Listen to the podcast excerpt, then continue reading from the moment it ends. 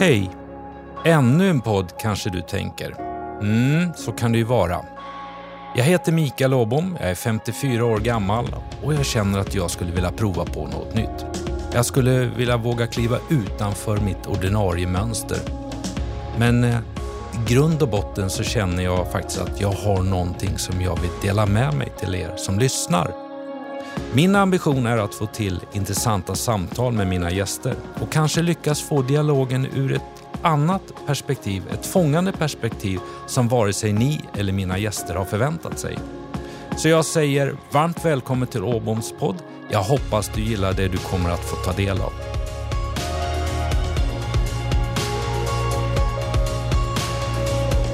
Ja, då sitter jag här med en person som eh, är uppvuxen i Kalifornien, men med rötterna från Kramfors.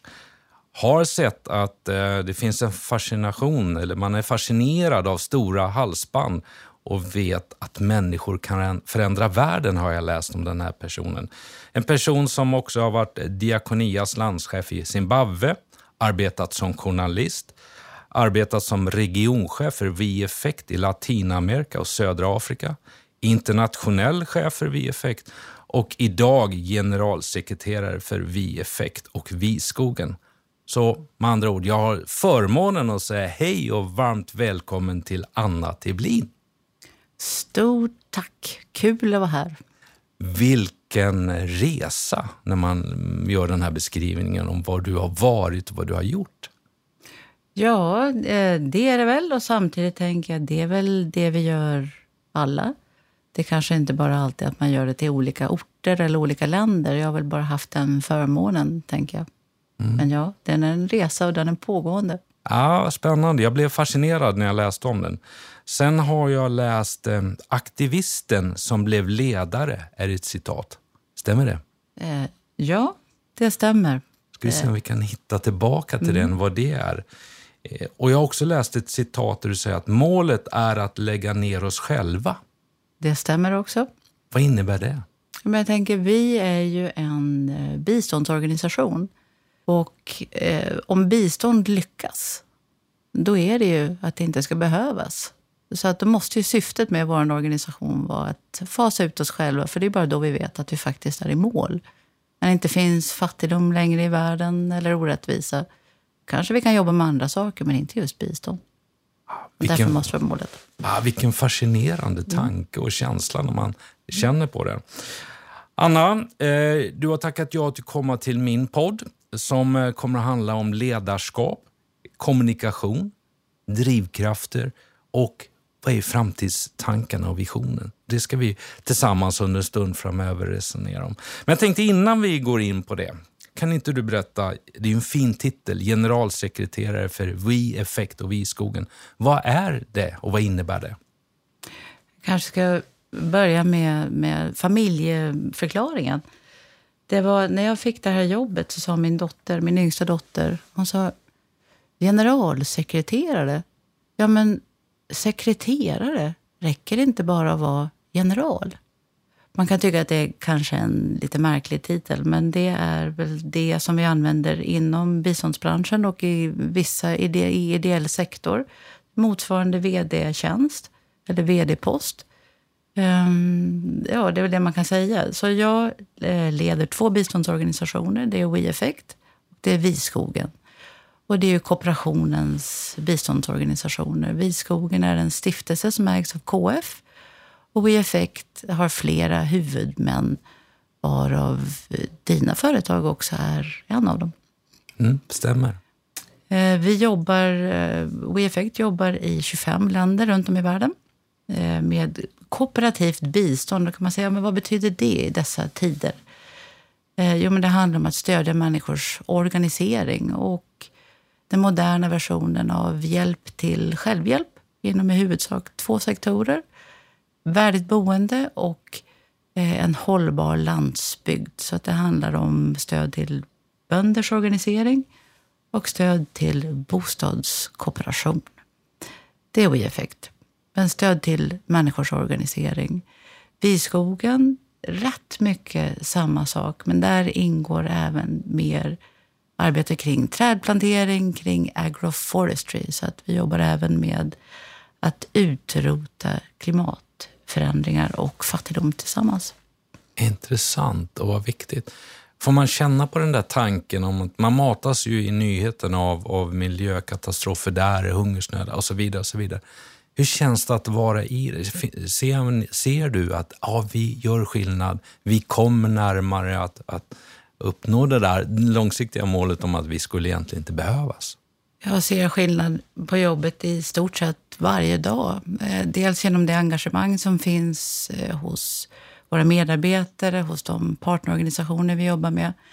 Men också det intresse som finns för våra frågor som, som jag upplever ökar i samhället. Inte bara i Sverige, utan generellt. Och det engagemanget är ju i sig eh, en intäkt för och ett tecken på att ja, men det är klart att vi kommer att lyckas. Om vi pratar konkret i verksamheten Ehm, så kan jag nämna en eh, partnerorganisation som jag träffade nyligen i Zimbabwe. Jag kan rättare sagt berätta historien om Teresa. Teresa är en eh, bondekvinna i Zimbabwe. Hon gifte sig 1968 och fick 12 barn tillsammans med sin man. Under alla år så har de brukat eh, marken, eller brukat jorden Eh, Eh, och tagit hand om hushållet åt sin man. Eh, lagen och traditionen säger att det är män som äger mark, men det är kvinnor som jobbar i jordbruket. 2011 så kom Teresa i kontakt med en av våra partnerorganisationer som heter Women and Land, som titeln också antyder, jobbar med kvinnors rätt till mark. Och då fick hon veta att, att hon har precis samma rättigheter som sin man. Hon kom hem och började ställa krav och sa att eh, jag vill gärna ta del av de beslut som vi fattar om vår hushållsekonomi. Den vinst som vi gör av jordbruksproduktionen kanske inte är stor, men jag vill gärna vara med och, och prata om vad vi ska göra med det. Och mannen vägrade. Han sa nej. Teresa blev förbannad eh, provocerad, kände sig kränkt och ovärdigt behandlad av en människa som hon ändå fött tolv barn tillsammans med. Så hon gick i strejk. Hon flyttade ut. Hon byggde en liten hydda längre ner på gården. Hon vägrade laga mat, hon vägrade städa, hon vägrade sova i mannens säng. Det tog ett halvår och så fick hon en jordplätt, en liten del av mannens mark. Hon började odla den. Eh, inom en säsong så hade hon, var hon uppe i en skörd som var tre gånger större än mannens. Nu har det gått några år. Hon har fått en del av marken. Men det som är mest fantastiskt med den här historien är att förra året, 2018, så blev Teresa invald i kommunfullmäktige. Eller motsvarande kommunfullmäktige där hon bor, ute på landsbygden i Zimbabwe. Och sådana där historier och resor gör människor varje dag. Det är på det positiva kontot.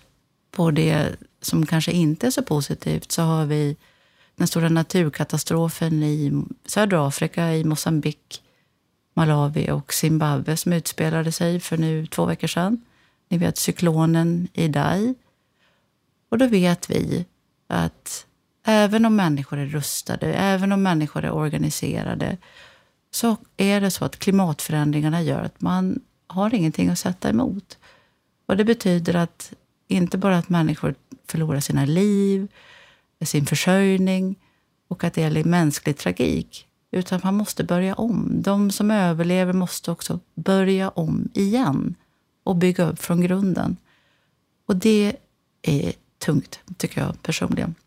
Så att, ja, det går åt rätt håll och vi kommer att lyckas. Men det är ingen lätt resa.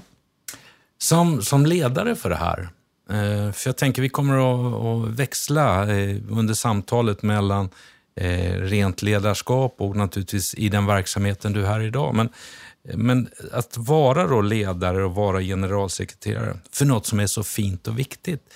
Ser du en skillnad över jag som går till jobbet men inte gör det, men jag försöker att bidra genom vårt samarbete eller andra och så vidare. Men ser du um, en extra drivkraft i att, att vara ansvarig högsta chefen för något så som fint som gör skillnad i världen?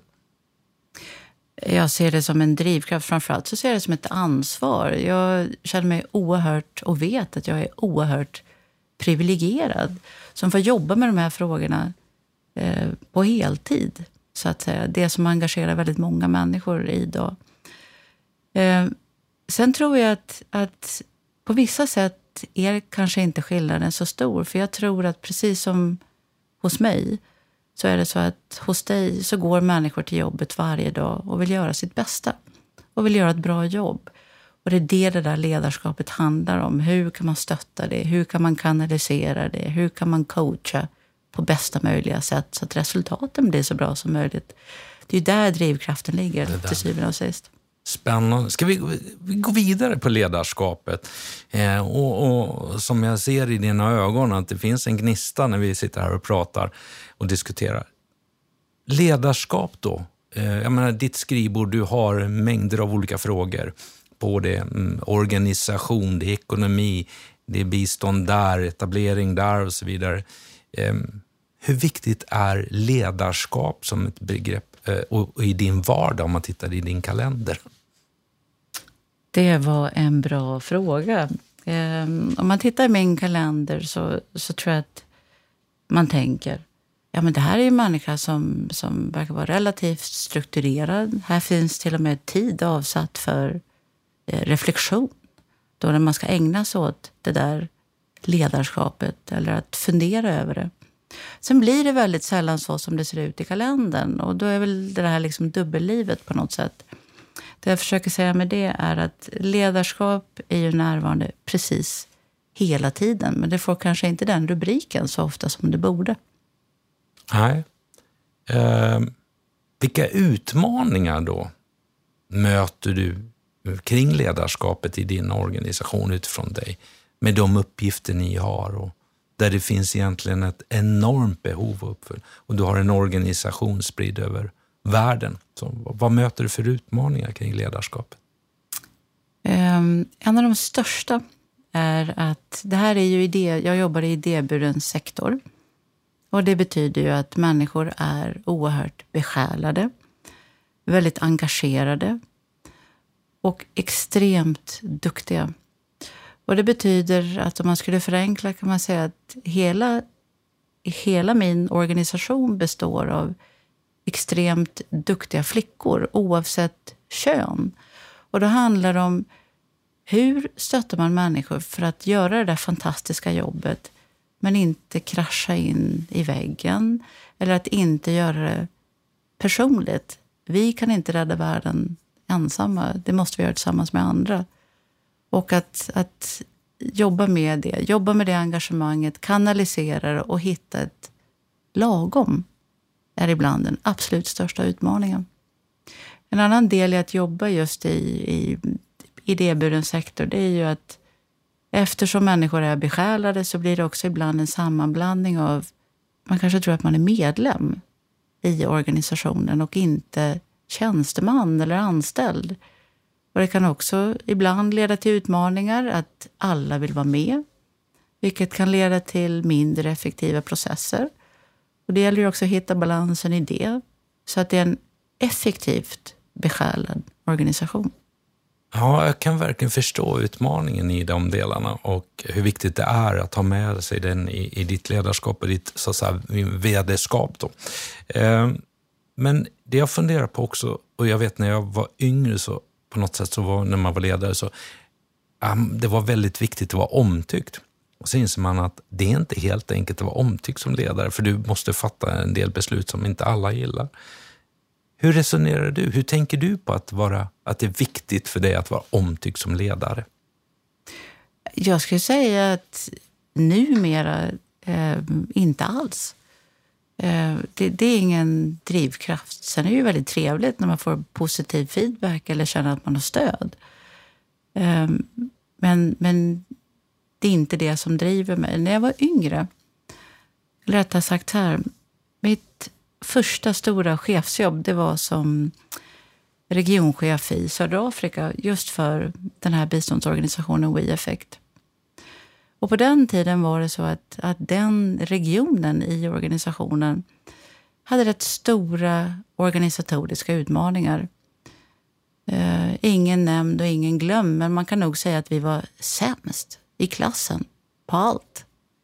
Och Det gjorde att när man hörde av sig till huvudkontoret så suckades det lite och man sa Jaha, vad vill ni nu då?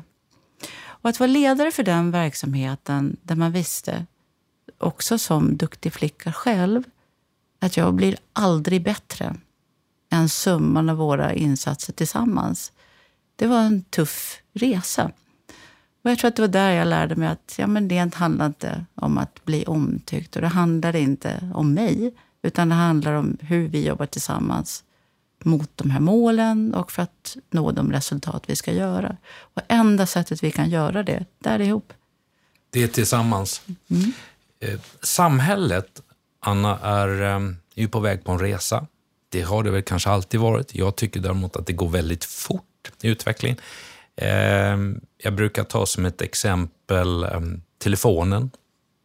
När vi sitter här och samtalar i den här podden så är det 2019 det är, tror jag, om jag är rätt uppdaterad, cirka 12 år sedan som eh, iPhone och Androiderna, eh, telefonerna kom in på marknaden. Det går otroligt fort med allt vad vi kan göra idag i samhället. Hur vi reser, hur vi kommunicerar. Det är bara som när vi, man skulle ta sig hit idag där vi sitter och spelar in det här. Man kollar ju inte i några gula sidor, på, på, på, utan man kollar naturligtvis på nätet, var är adressen och så vidare. Så eh, och den där samhällsutvecklingen tycker jag också påverkar oss eh, som ledare. Hur, hur, påverkar den dig i din roll? Väldigt konkret så har vi idag eh, både appar och funktioner till exempel som gör att, att mina medarbetare i Latinamerika och eh, Asien kan prata med varandra. Det kunde de inte för några år sedan. Eh, då fanns det väl kanske någon slags Google Translate eller, eller någon motsvarighet. Nu kan man faktiskt kommunicera. Så det påverkar ju mitt ledarskap på så vis att min organisation och mina medarbetare blir mycket starkare i och med att de också kan samarbeta och föra dialog kring de utmaningar vi står inför. Och det kan ju väldigt konkret handla om, eh, vi tar ett bostadskooperativ i exemplet El Salvador som har jobbat med nya sätt eh, till självorganisering. Den kunskapen har de delat med sig till kollegorna i Palestina som nu implementerar det. Det behövs ingen mellanhand, det behövs ingen, det är inget huvudkontor i Stockholm som, säger, eh, som bidrar till tolkningen, utan de för dialogen direkt. Och det gör ju att, att den organisation jag företräder har förutsättningar att vara mer effektiv. Vi kan leverera mer bistånd för pengarna, om man säger så. Ehm, vi ser också att teknikutvecklingen generellt, den sker ju inte bara här hemma. Utan som vi vet, Swish, det kommer ju från Kenya eh, från början till exempel. Och, och det var ju för att svara mot ett konkret behov. Tanterna på marknaden behövde överföra pengar. Vi jobbar jättemycket med mikroförsäkringar, stort och starkt i östra Afrika, där det finns en marknad för det. Så att det betyder ju att, och idag finns det teknik som stödjer det som också gör att det är möjligt och det är billigt och det fungerar. Så att på det sättet så är tekniken ett sätt för mig att tillsammans med min organisation jobba mer effektivt mot våra mål. Jag ser det faktiskt bara positivt. Jag måste säga wow. Jag tycker mm. det var häftigt med den vinklingen du, eller liksom den, det, det synsättet du förde in. Där ni verkligen, visst det går fort men det ni i en sån organisation som ni gör, drar nytta av det och faktiskt det gör skillnad. Det har inte jag tänkt. Vad inspirerande att höra att ni på det sättet kan, kan leda och, och utveckla det på ett bättre sätt. Och det som också är kul, då kan man ju tänka att eh, med teknikutveckling, naturligtvis finns det utmaningar också, men det är ju att det är när man kan hoppa led. Eh, och man kan gå direkt från inga kommunikationer alls till mobiltelefon. Man behövde inte ta steget via en fast telefoni till exempel. Och det finns ju hur många sådana exempel som helst när det handlar om eh, soldrivna billiga datorer som barn kan använda långt ute på landsbygden till exempel i sin skolgång.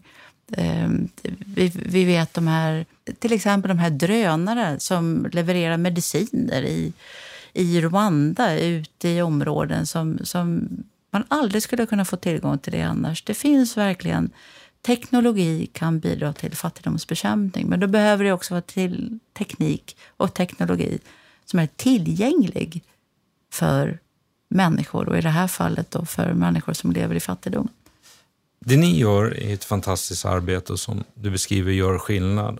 Och Då tänker jag på även utmaningar utifrån att tekniken, vi har sociala medier, sättet att kommunicera. Jag tycker att vi har lite grann kommit in i ett samhälle som också är ett åsiktssamhälle. Eh, och jag har dratt den här många gånger på scenen internt när jag har stått upp och sagt liksom på, jag har en åsikt på måndagen. Förut då i tiden, på måndagen satt jag med, med skrivmaskinen skrev ett brev som landade på lokaltidningens bord på tisdagen om, om posten hade levererat det. De hade redaktionsmöte på onsdagen och kanske på fredagen så kom det ut i tidningen om de tyckte det eller inte. Idag behöver du ingen tidning för det. Utan det finns eh, poddar, det finns sociala medier och du kan på typ 10 sekunder tala om för världen vad du tycker. Och det ni jobbar med som är väldigt viktigt och, och, och möter människor som, som, har behov. Får ni lägga ner mycket tid kring, kring hur ni ska förhålla er till, till sociala medier och sånt i er, din organisation? Och inte minst du som ledare. Vi eh, lägger ner rätt mycket tid på det i organisationen. Men jag skulle vilja säga att det snarare är av ett, ett positivt skäl. Vi, vi vet att det finns och håller med om att det finns många utmaningar. Men sociala medier är här för att stanna. Så då är frågan hur använder vi dem på bästa sätt? Dels för att vara en motkraft, för att bidra till att sprida budskap och för att bidra till att minska våra kostnader för till exempel marknadsföring. Jag kan säga att ja, men en biståndsorganisation ska väl inte behöva hålla på med marknadsföring. Nej, i idealvärlden skulle vi inte behöva det. Men viss marknadsföring behövs för att, upprätthålla, för att tala om att man finns. Eh, för att upprätthålla viljan att, att ge pengar. Och sociala medier gör att det här blir mycket, mycket billigare än vad det varit tidigare. Så på det sättet så är det ju positivt för vår verksamhet. Om det handlar om hur vi kommunicerar eller hur jag kommunicerar som ledare. Så jag, jag tycker det är komplicerat, absolut. Men tror också att jag har en fördel av att eh, jag har bott i eh, ett antal länder. Jag brukar skoja och säga att det blev eh, fem länder, tio år och en man. Men under de där fem länderna och de tio åren ehm, så det som höll ihop så att säga, min globala värld med min familj i Sverige och på andra håll, det var ju Facebook. Och det där samma gamla Facebook-konto är ju kvar och det betyder att jag kan idag kommunicera med en trädgårdsmästare i Zimbabwe eller den där kvinnan som jobbade i kassan på motsvarande Coop i Guatemala. De blir en del av min värld. Och det betyder också att jag kan få direkt information. Um, nu i samband med den här naturkatastrofen i södra Afrika, vi hade information flera dagar innan medierna fångade upp det här, därför att vi har en direktkontakt som möjliggörs via sociala medier. Vad spännande och intressant. Kommunikation, jag växlar över till kommunikation, Anna, därför att kommunikation har jag funderat mycket på uh, som ledare hur viktigt den är och hur svår den är utifrån det bruset som finns idag och, och det tempot som finns idag. Är du bra på kommunikation? Det var en rak personlig ledarskapsfråga till dig. Jag är eh, hyfsat bra på kommunikation och eh, strävar efter att ständigt bli bättre. Därför att jag vet att kommunikation är helt centralt både i ledarskapet men för att vi ska lyckas nå våra mål och i vårt arbete som organisationer. Det är så oerhört viktigt, som du säger också, när, i, i tider när det är allt mer brus, att vi måste komma ihåg dels vart vi är på väg, vad det är som händer. Alla måste vara inloopade. Det löser man inte genom att ta fram nya verktyg eller nya system, utan man måste ju hela tiden tänka på att fylla dem med innehåll. Så att eh, jag vill bara hålla med om att det är helt avgörande. Eh, och tips mottas alltid. Jag förstår det. Ja, men det är intressant för att du vet, den här gamla klyschan som säger att ja, jag har inte fått någon information och så vidare, det känner jag inte till och så vidare. Så vi skyller mycket på sånt där. Men vi är ju också alla olika till att ta emot information eller ha uppkopplade våra antenner så att vi hör. Eller stora öron då kring att ta del av det. Hur, hur är det i din organisation? Hur är det i din vardag? Hur svårt är det att nå fram eh, till, till alla dina medarbetare kring information? Jag tror att mina medarbetare är säkert precis som dina medarbetare olika. Och eh, precis som vi alla är som människor. att Ibland är man lite bättre på att lyssna beroende på vad det handlar om och ibland vill man höra och ibland vill man inte.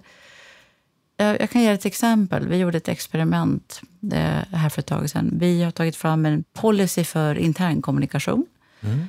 Eh, det kan man tycka att ibland kan det bli för många dokument, att det handlar mer om att fylla dem med innehåll. Men vi kände att ja, men det här det behövs ändå. Vi finns i 25 länder. Hur ska vi ha det tillsammans? Men för att den här, istället för att skicka ut policyn på remiss så la vi upp den på intranätet och öppnade upp chatten. Och så fick alla in och kommentera och debattera. Som sagt, från eh, Guatemala till Zimbabwe till Vietnam. Eh, och jag tycker själv att, att det är oerhört spännande att få in de olika perspektiven. Och då blir det också väldigt tydligt att det är en organisation där vi jobbar i, i många länder eller har många olika kontor, eh, att bli påmind om just huvudkontorsperspektiv eller centrum och periferiperspektiv och hur saker och ting uppfattas olika beroende på var man befinner sig i organisationen men också vad det finns för ledarskapskultur. I många av våra länder så är det traditionellt mer hierarkiska ledarskapskulturer än vad vi har i Sverige. Och Det måste man hela tiden komma ihåg när man kommunicerar och när man tänker på eh, att det ska vara tydligt och att mottagaren ska uppfatta det åtminstone så nära på det sätt som man vill att de ska göra det. Det är olika. Ni finns i 25 länder, sa du, Anna. Mm. Och hur många medarbetare är det totalt i organisationen? Totalt i organisationerna så är det väl ungefär 350. Och från olika kulturer, olika länder, olika historik? Mm, från 25 länder. Vilken utmaning i kommunikation då. För vi har ju, utöver att vi som personer är olika, så har vi olika kulturer beroende på vad vi är uppväxta i för länder kring de här delarna. Mycket tid, för jag, jag har börjat att sätta av eh, så kallade kommunikationspass, eh, skriver jag i min almanacka, i min eh, elektroniska. Då, så här, de här två timmarna, nu ska jag sätta mig där för att jobba med kommunikation ute i organisationen olika målgrupper, olika grupperingar, alltifrån från ledarna till, till olika som behöver det eh, och som jag vill nå till. Hur mycket tid lägger du på liksom, skriftlig respektive muntlig kommunikation som ledare Eh, jag skulle säga att i, i stort sett all min tid är kommunikation på ett eller annat sätt. Um, avvägningen skriftlig, muntlig eller annan den varierar väl över tid. Men, men jag skulle säga att 80 procent av min arbetstid handlar precis om kommunikation. Eh, sen är inte jag lika duktig som du är. Att jag avsätter det var inte... din egen reflektion. Så. Ja, det är min, det är min reflektion att, att avsätta tid i almanackan. Men jag hoppas kunna bli bättre på det. För jag tror också att det handlar om att, eh, att vara systematisk. Eh, att naturligtvis eh, möta behov som uppkommer, men också vara systematisk i och att inte över, eller att skilja på kommunicera och informera. Inte överinformera, men vara väldigt lyhörd för vilken slags kommunikation är det som behövs under en, i en given situation, i en given period i en organisation. Jag har en, en kommunikationsstege, men den ska vi ta någon annan mm. gång och träffas och prata om då, mitt tänk. För att eh, det som du säger, kommunikation är ju väldigt viktigt eh, som ledare. Eh, och det är klart, Ehm, du gör det genom muntligt, du ger mm. det genom att vara på möten, du ger det genom att skriva och så vidare. Och så, vidare. så det är en stor del i de här delarna. Skulle du till våra lyssnare i podden kunna skicka med något av dina bästa tips kring kommunikation? Mitt bästa tips är att lyssna innan du svarar. Det, det är kanske inte så mycket rocket science egentligen, utan, utan det är så, vad, är det, vad är det för budskap vi ska ha fram? Vad är syftet med budskapet? Formulera det. Var rak, tydlig, ärlig. Och kör. Intressant. Det där tar vi med oss, jag och lyssnarna. Fantastiskt bra. Ehm, och tänkvärt.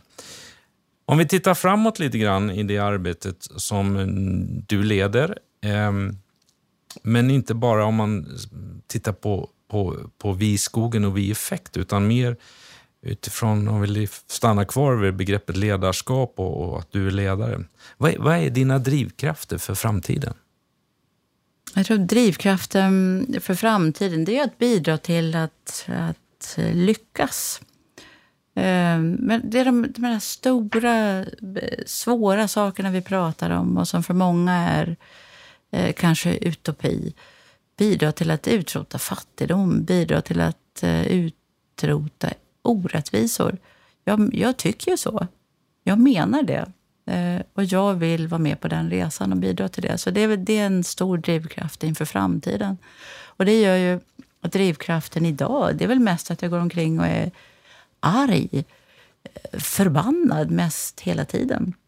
Okej, okay. får vi be dig utveckla det? Ja, det, det var lite spännande. Det, ja, men det är väl det allmänna tillståndet i världen och att det ser ut som det gör. Att det finns Eh, de absolut grundläggande orättvisor som finns. Att det finns, att vi har alla möjligheter idag att se till att alla människor på jorden har precis samma förutsättningar. Det finns pengar, det finns teknologi, eh, det finns mat som räcker till alla och ändå är det så att hungern ökar. Jag tycker det är oacceptabelt. Ja, jag håller helt med dig. Det är helt oacceptabelt att det ser ut som det gör. Mm, det innebär, min, min reflektion av, av vårt samtal är att det jobb du gör, du gör ju verkligen skillnad, du och dina kollegor runt om i världen. Ni gör ett fantastiskt jobb för att många mer människor ska ha det så bra som till exempel du och jag som sitter här just nu. Eh, det där måste väl också ta lite energi och då tänker jag så här på min... Jag, jag gillar att jobba. Eh, det får jag ibland frågan så här. Ja, men hur orkar du? Hur laddar du batterierna? Som man säger. Hur laddar du energi? Och jag har ibland, eller ganska ofta svårt att förstå vad, och kunna säga ja, men jag laddar det på det här sättet. Hur, hur gör du för att orka med eh, din verksamhet och leda den och ladda din, dina batterier? Eh, det är inte heller helt enkelt att svara på, tycker jag. Det kan vara olika saker, men jag tror att den absolut viktigaste, det är ju mina, det är mina kollegor. Det säger jag inte för att vara politiskt korrekt eller för att det låter bra eller för att få pluspoäng i chefskolumnen. Utan jag tycker verkligen att jag jobbar med fantastiska människor. De är jättebesjälade, kompetenta, ganska besvärliga. Eh, människor som vill en massa saker. Att jobba tillsammans med dem ställer stora krav och det ger också väldigt mycket energi. Om jag sitter hemma på kvällen och eh, inte har lust att koncentrera mig på min bok eller eh, vad det nu skulle vara för någonting, gå till gymmet som man kanske borde göra istället. Eh, så sitter jag ofta och skissar på, och här framstår det bara hur rubbad man är faktiskt, så sitter jag och skissar på eh, organisationsutvecklingstankar, utmaningar, Eh, hur man kan stötta människor att, att eh, testa nya saker, att våga nya saker, att utvecklas. Därför att det är ju det där som bidrar till att organisationen också utvecklas. Och det tycker jag är energigivande och jätteroligt. Det låter som verkligen du lyfter blicken framåt och säger att här är vi nu, men vad kan vi vara om två år, fyra år? Vad, vad kan jag, mitt team, min organisation göra? Det låter som det är en, en en, en, ett DNA i ditt ledarskap och i din så att säga, chefsroll. Mm, tack för att du formulerade det lite bättre än jag lyckades med själv. Ja. ja, det var nästan så jag hade skrivit ner det. Jag får se om jag kommer ihåg det. Ja, fantastiskt. Jag förstår det. Att, du, att det är en drivkraft för dig. Um, har du någon sån vision? Har du nedskriven för dig själv. Det här eh, står jag för eller det här är min vision framåt. Om vi tar eh, de där stora mm. eh, så handlar det ju det handlar om en värld fri från fattigdom och orättvisa. Och om man, om man tar den lite närmare, ja, men vad betyder det då konkret?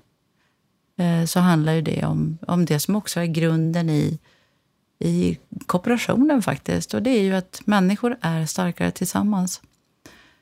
Eh, så att det blir både min vision och mitt mål. Både det stora och även i det lilla.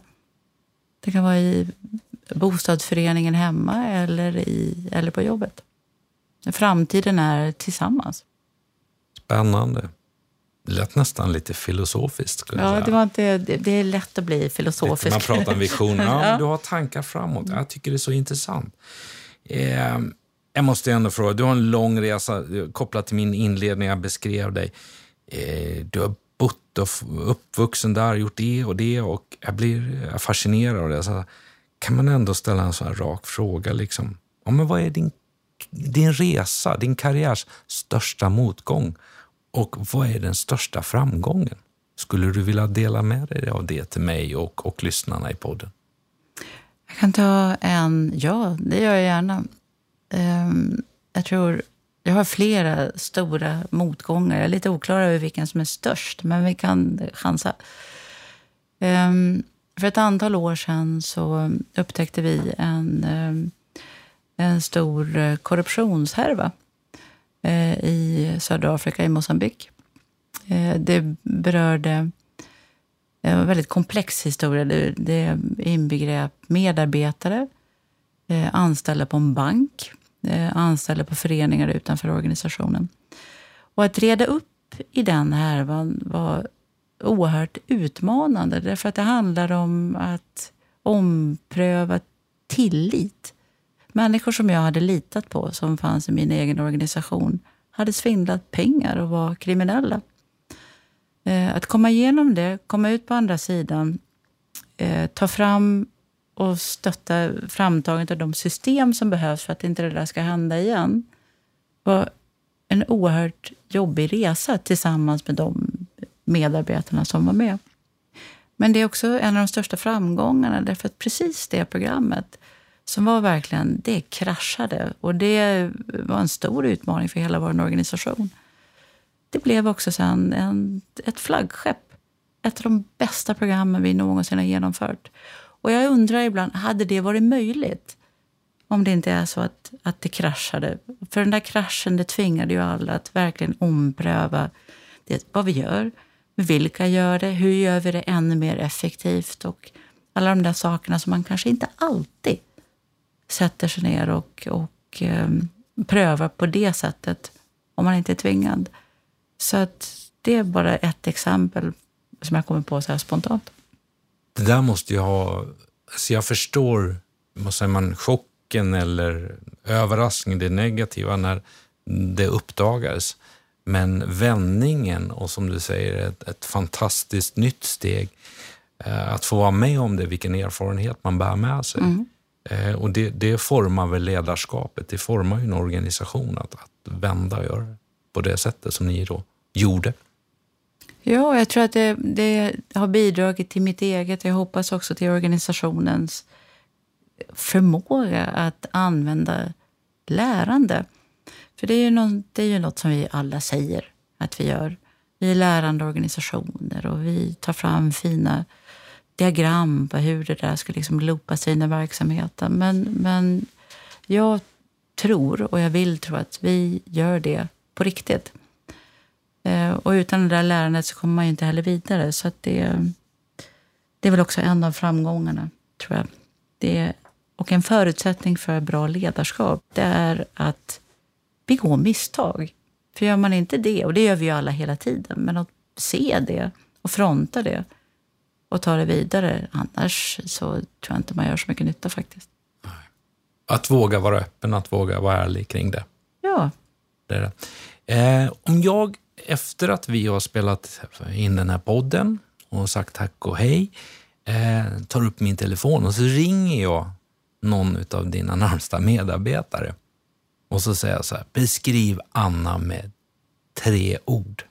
Vad skulle de säga om dig då utifrån ledare för Vi-effekt och Vi-skogen? De skulle säga att jag är eh, visionär, ehm, strategisk och lätt galen, tror jag.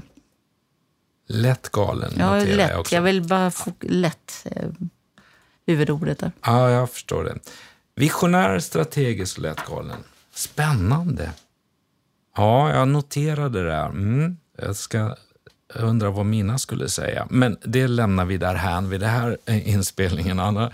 Eh, det börjar gå mot sitt slut eh, av podden. Vi har eh, fått lyssna mm, på dig utifrån din resa, dina tankar kring ledarskapet, kommunikation som en del av ledarskapet och också vad som driver dig framåt, vilket har varit spännande.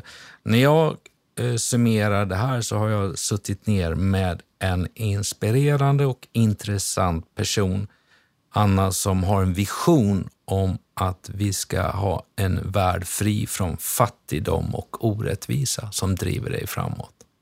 Ah, jag gillar verkligen samtalet. Jag gillar hur du tänker, resonerar och det är klart man blir lite extra berörd över, över vetskapen om att ni gör skillnad på så många olika platser i världen just nu när vi sitter här och vad det betyder. Om vi tillåter oss att växla över spåret lite grann avslutningsvis till mig och framförallt lyssnarna av podden då. Äh, vem är du egentligen utanför det här då ledarskapet? Ehm, vad gör du på... Kan vi få med några sådana här typ fem snabba, vad vad gör du utanför jobbet? Har du någon dold talang? Vad är fritidsintresset? Och så vidare. Vad kan du bjuda på där? Då ska vi då avslöja att innan vi började spela in den här podden så kröp det fram att vi båda tydligen har spelat bas i vår ungdom. Det kan vi tala tyst om. Eh, jag tar inte upp det på talangkontot. Jag eh, tycker om att vara ute i naturen, eh, vandrar gärna, lyssnar mycket på musik. Eh, läser lite för lite skönlitteratur just nu. Det är för mycket rapporter, men, men läser mycket. Eh, och för många samtal. Det är väl sammanfattningen. Fundera på att köpa en hund. Fundera noga. Ja, jag gör Är det det. inte så? Nej, de är fantastiskt gulliga, så jag, förstår att det är som att skaffa barn på nytt, har jag Mm, hört, när man skaffar det. Okej. Den där dolda talangen, är det basen? Ja, jag vågar inte gå in på det faktiskt. Vi, vi, eh, vi lämnar det där här tycker Vi jag. kanske ska prova när vi har stängt av podden här. Ja, det står efter ju några här i rummet där vi Ja, är. det blir perfekt. Ja, Okej, ja, vad härligt. Anna, tack för att du um, satt av tid att eh, träffa mig och uh, ville vara med på min podd på det här sättet. Prata om ledarskap, kommunikation, framtid. Eh, jag tycker det har varit ett intressant samtal. Jag hoppas verkligen att ni som lyssnar har fått lite tankar och idéer och, och gör reflektioner om hur vi vilket ansvar vi som ledare har eh, oavsett vilken organisation vi befinner oss eller i verksamhet eller var vi, vilken resa vi ska göra. Eh, en imponerande resa. Jag eh, tycker att du har bjudit på spännande reflektioner. Eh, jag vill säga ett stort tack för att eh, jag har fått dela den här stunden med dig. Jag eh, önskar dig och organisationen jättestort lycka till. Och jag vet att er organisation, det finns andra också i Sverige, vi, vi har ett stort hjärta och vi bidrar och det är fantastiskt att vi får göra. Det känns väl, väldigt, väldigt bra. Så det har varit väldigt intressant. Jag hoppas att du också upplever det, Anna.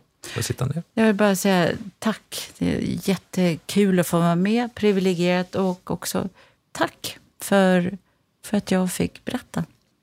Det är vi som ska tacka. Jag har gett dig en hemläxa som vi tänkte avsluta med. Eh, För det brukar också kunna visa vem personen är. Och Då skrev jag till dig och sa, vilken är den, din favoritlåt när man pratar musik? Vad skulle du vilja att vi avslutar podden med? Och det var en oerhört svår hemläxa.